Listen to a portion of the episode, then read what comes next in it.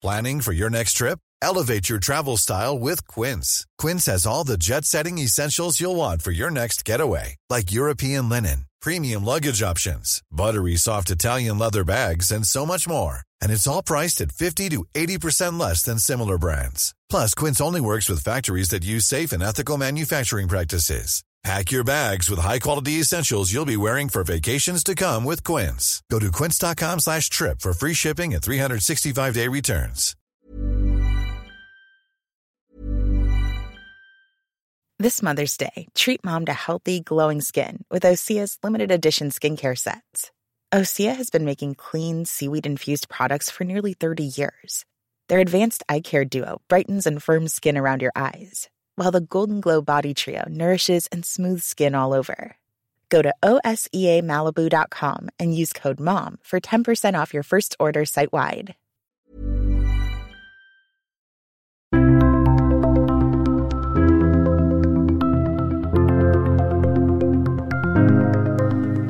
I mange år har kampen om Lofoten, Vesterålen og Senja prega norsk oljedebatt. Nylig ble veien til konsekvensutredning av oljevirksomhet i dette området enda lengre, da Arbeiderpartiet sa nei på sitt landsmøte. Men hvorfor er det egentlig så viktig for oljebransjen å få åpna dette området? Er det først og fremst en symbolsak? Har debatten om LoVC gjort at oljeselskapene har kunnet kjøre på uforstyrra på andre steder, og er døra nå lukka for alltid? Dette er noen av spørsmålene vi skal prøve å få svar på i denne episoden av Det vi lever av, en podkast fra Sysla. Mitt navn er Ola Myrseth, og med meg nå har jeg sjeføkonom Kyrre Knutsen i SR-Bank og Hilde Øvrebekk, som er kommentator i Stavanger Aftenblad. Velkommen, Kyrre og Hilde. Tusen takk. Takk. Debatten om eh, oljevirksomhet i Lofoten, Vesterålen og Senja har jo fått mye oppmerksomhet de siste årene. Eh, Sist nå så var det i forbindelse med Arbeiderpartiets landsmøte i begynnelsen av april. Og der skjedde det ting som kan eh, påvirke denne saken. Hilde, kan ikke du ta oss kjapt gjennom de endringene Ap vedtok?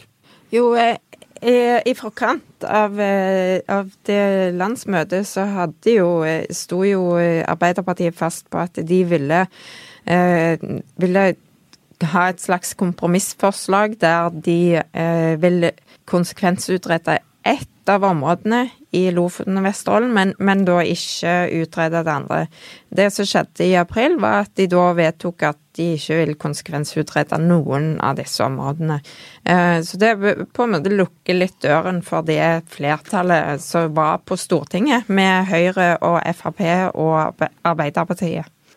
Ifølge Oljedirektoratets beregninger så, så kan det finnes ca. 1,2 milliarder utvinnbare fat oljeekvivalenter i det området som det her er, diskusjon om.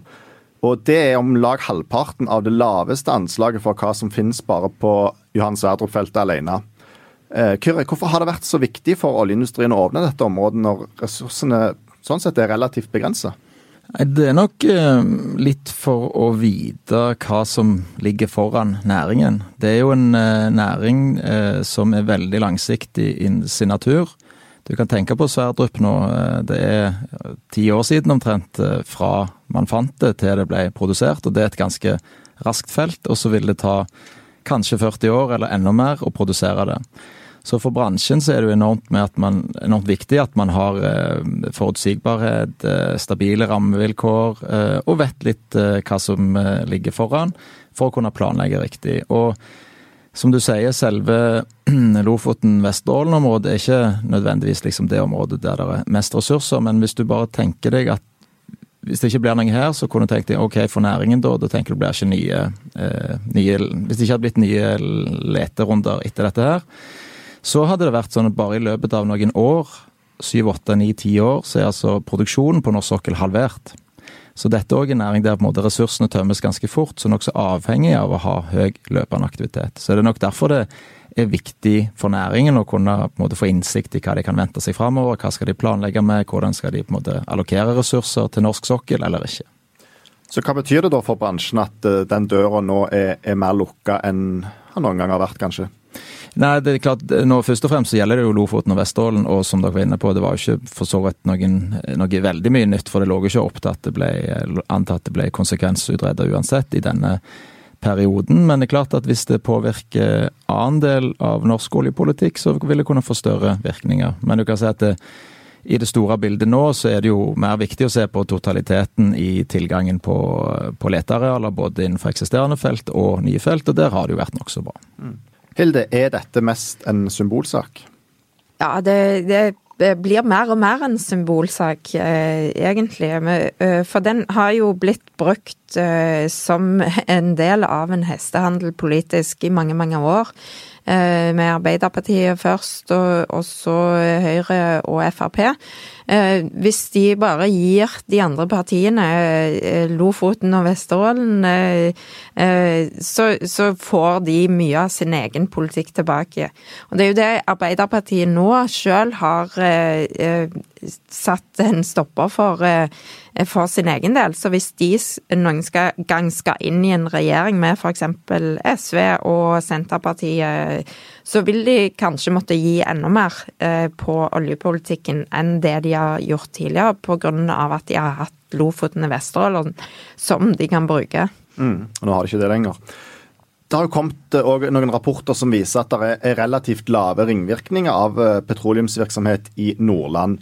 Uh, og Det har på en måte sådd tvil om hvor mye det lokale næringslivet egentlig har henta på at det er oljeutvinning i, i, Lofoten og Vesterålen. Hva tror du den faktoren har betydd for uh, at vinden på en måte har snudd litt?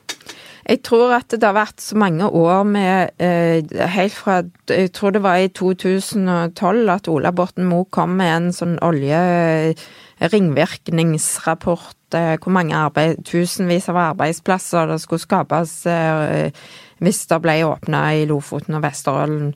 Eh, men, eh, men, det som folk i Nordland har sett, er at eh, det har jo ikke blitt noe av dette her. Og de har blitt lova masse arbeidsplasser i mange, mange år, så jeg tror at de rett og slett har blitt lei av å, av å høre på lovnadene.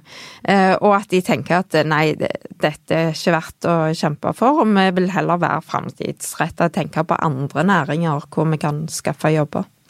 De siste årene som var inne på, så har det jo vært veldig mye oppmerksomhet rundt denne kampen om eh, Lofoten, Vesterålen og Senja. Eh, og eh, samtidig så har regjeringen delt ut rekordmasse letelisenser, bl.a. i veldig kontroversielle områder helt nord i Barentshavet. Har på en måte den debatten om Lofoten, Vesterålen og Senja fungert som en slags lynavleder og gjort at oljebransjen har kunnet kjøre på mer uforstyrra i andre områder?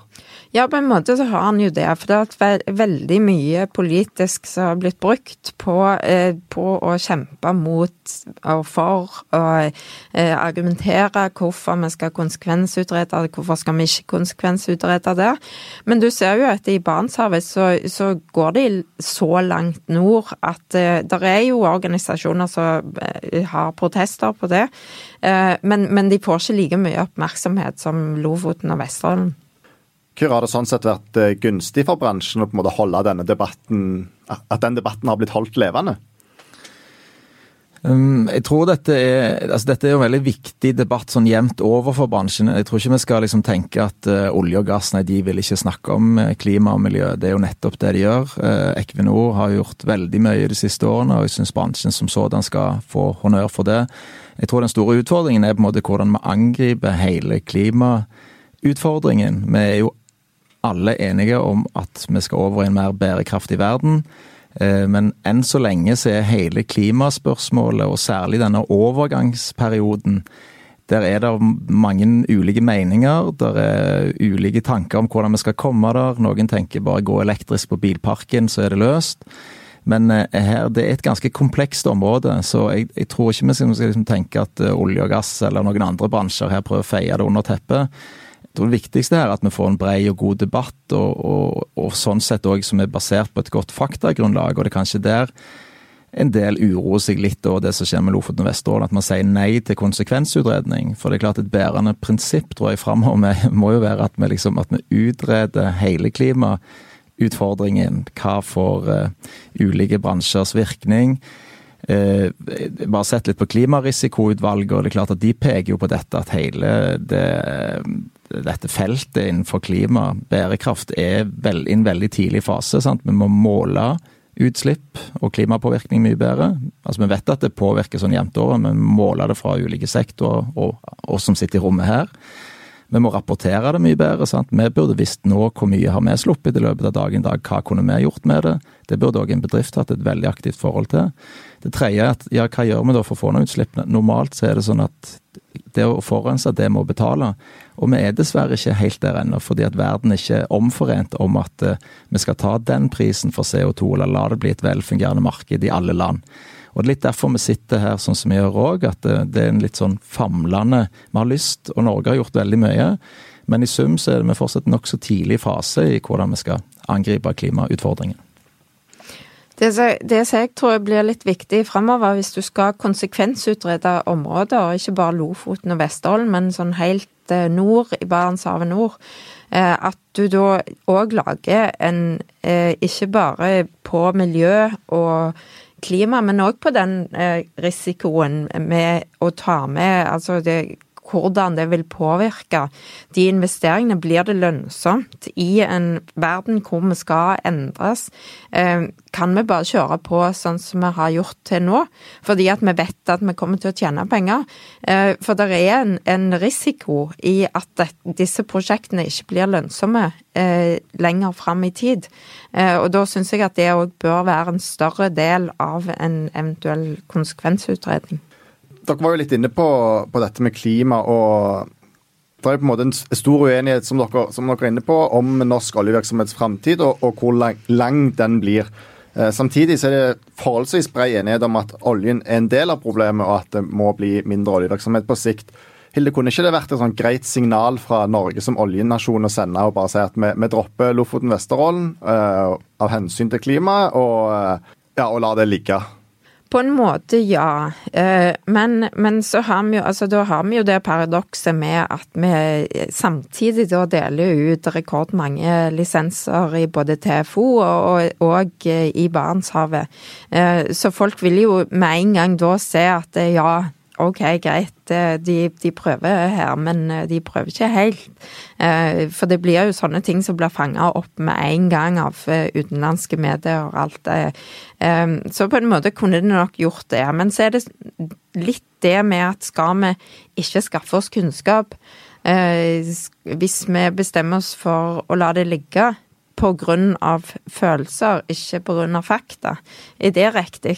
Det kan du jo òg stille spørsmål om. Men det er vel argumentet fra mange at hvis man først konsekvensutreder, så er liksom veien videre til produksjon eh, mye kortere, da? Er det ikke det som har vært en del av eh, argumentasjonen fra de som er mot konsekvensutredning? Det er jo det som har vært argumentasjonen, men det har jo vært, eh, det har jo vært i en annen tid. Fordi at eh, hvis du ser på for, de forutsetningene du har nå, og de som var for 10-20 år siden altså for 20 år siden så var det jo bare å kjøre på. Det var jo ikke noen som, som sa Altså, de fleste syntes jo at det var helt greit om vi kunne finne ut hvor det var eh, olje og gass både i Nordsjøen og, og når det flytta seg oppover, så hadde vi jo diskusjoner om det. Eh, men, men, så, men likevel så, så, var jo fokus var ikke på klima på samme måten. Eh, og jeg tror at en konsekvensutredning, hvis han har med det aspektet med klimarisiko og litt, eh, litt andre ting enn de har gjort tidligere, så tror jeg at du kunne fått en, en grei faktabasert beslutning. Bare for å legge til, så I 1994 så var det konsekvensutredninger som eh, førte til f.eks. Skagerrak og Trøndelag øst ble ikke åpna den gangen. Heller ikke Nordland 4 eller Nordland 5. Så man har jo noen eksempler på det. Og I tillegg så tror jeg er et sånn, nesten et sånn tilleggsargument er det at vi må jo lære oss å konsekvensutrede i en annen verden. Der miljø, klima betyr mer enn det gjorde før. Hvis vi ikke tør å gjøre det, hvordan skal vi da klare å få til en god debatt? Sant? Sånn at jeg tror det òg er Om det ikke blir i liksom akkurat for for, det, for eh, det, området som vi snakker om nå, Lofoten, Vesterålen og Senja, så tror jeg det er liksom enormt viktig at den tanken om at det er jo nettopp det vi skal gjøre når det gjelder hele klima- og miljøutfordringen, det er jo konsekvensutrede ganske bredt. Eh, nå er vi jo inne på en litt sånn, ikke snever næring, den betyr mye for Norge, men den er jo bare en del av en større økonomi, en større klimautfordring som skal løses. Og da blir det mange krevende og vanskelige diskusjoner, og vi må liksom lage en plattform for å konsekvensutrede alt, diskutere det innenfor noen rammer, som også Hilde er inne på, som kanskje må være ganske vide, mm. videre enn det de har vært før. Så vi går jo inn i sånn sett en veldig krevende tid, men òg en veldig spennende tid. Jeg tror vi må legge til at for Norge så er det klart at dette Det er jo ganske mange muligheter òg som åpnes nå, i og med at vi er i en sånn energitransformasjon der Norge gjør mye på mange fronter samtidig. Vi skal jo ikke glemme at vi er jo et av de landene i verden også som produserer mest eh, grønn eller eh, eh både vannkraft og vind etter hvert og sånt. Sånn at vi har et ganske bredt sånn energiperspektiv eh, i Norge. Snakker vi litt om klima her, men det er vel gjerne miljø har vel vært eh, og på en måte påvirkning av, av sårbar natur der oppe har vel vært vel så viktig i akkurat denne saken. Har det ikke det bl.a. at dette er viktige gyteområder for torsk?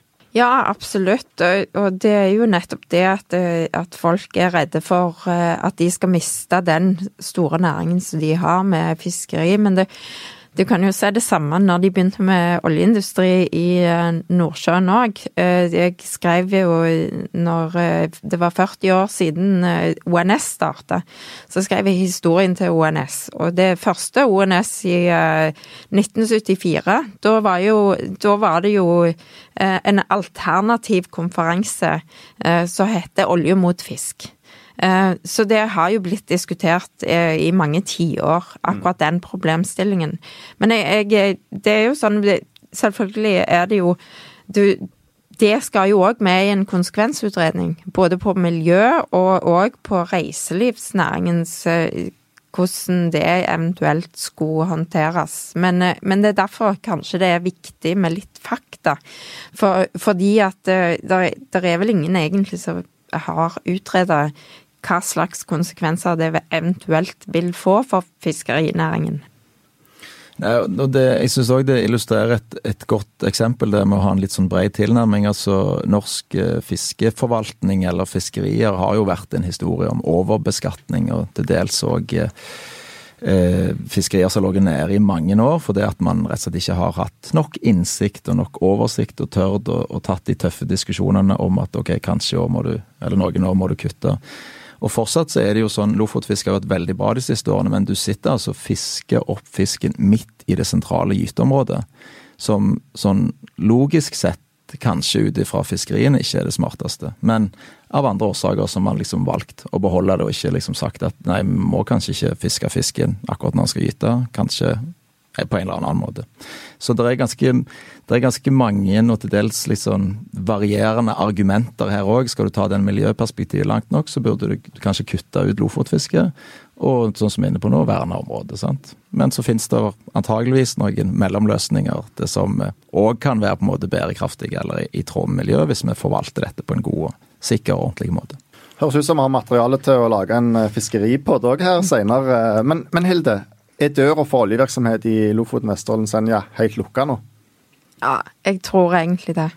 Jeg tror med de diskusjonene vi har nå om klima spesielt, og, og, og det òg at det har vært i de årene hvor det kunne vært mulig å konsekvensutrede disse områdene, så har, eh, så har den saken blitt brukt eh, til politisk hestehandel istedenfor at de, eh, de har stått fast på det. Så så akkurat Altså, jeg tror det toget har gått, fordi at eh, nå ser vi de unges engasjement for klima, og du ser at eh, det politisk snur i Nordland i de områdene hvor de eventuelt skulle ha åpna for oljevirksomhet. Så i, i, realiteten så tror jeg egentlig at eh, dette området aldri kommer til å bli åpna for petroleumsvirksomhet. Mm. Og tror du nå kampen blir hardere om andre deler av uh, oljevirksomheten?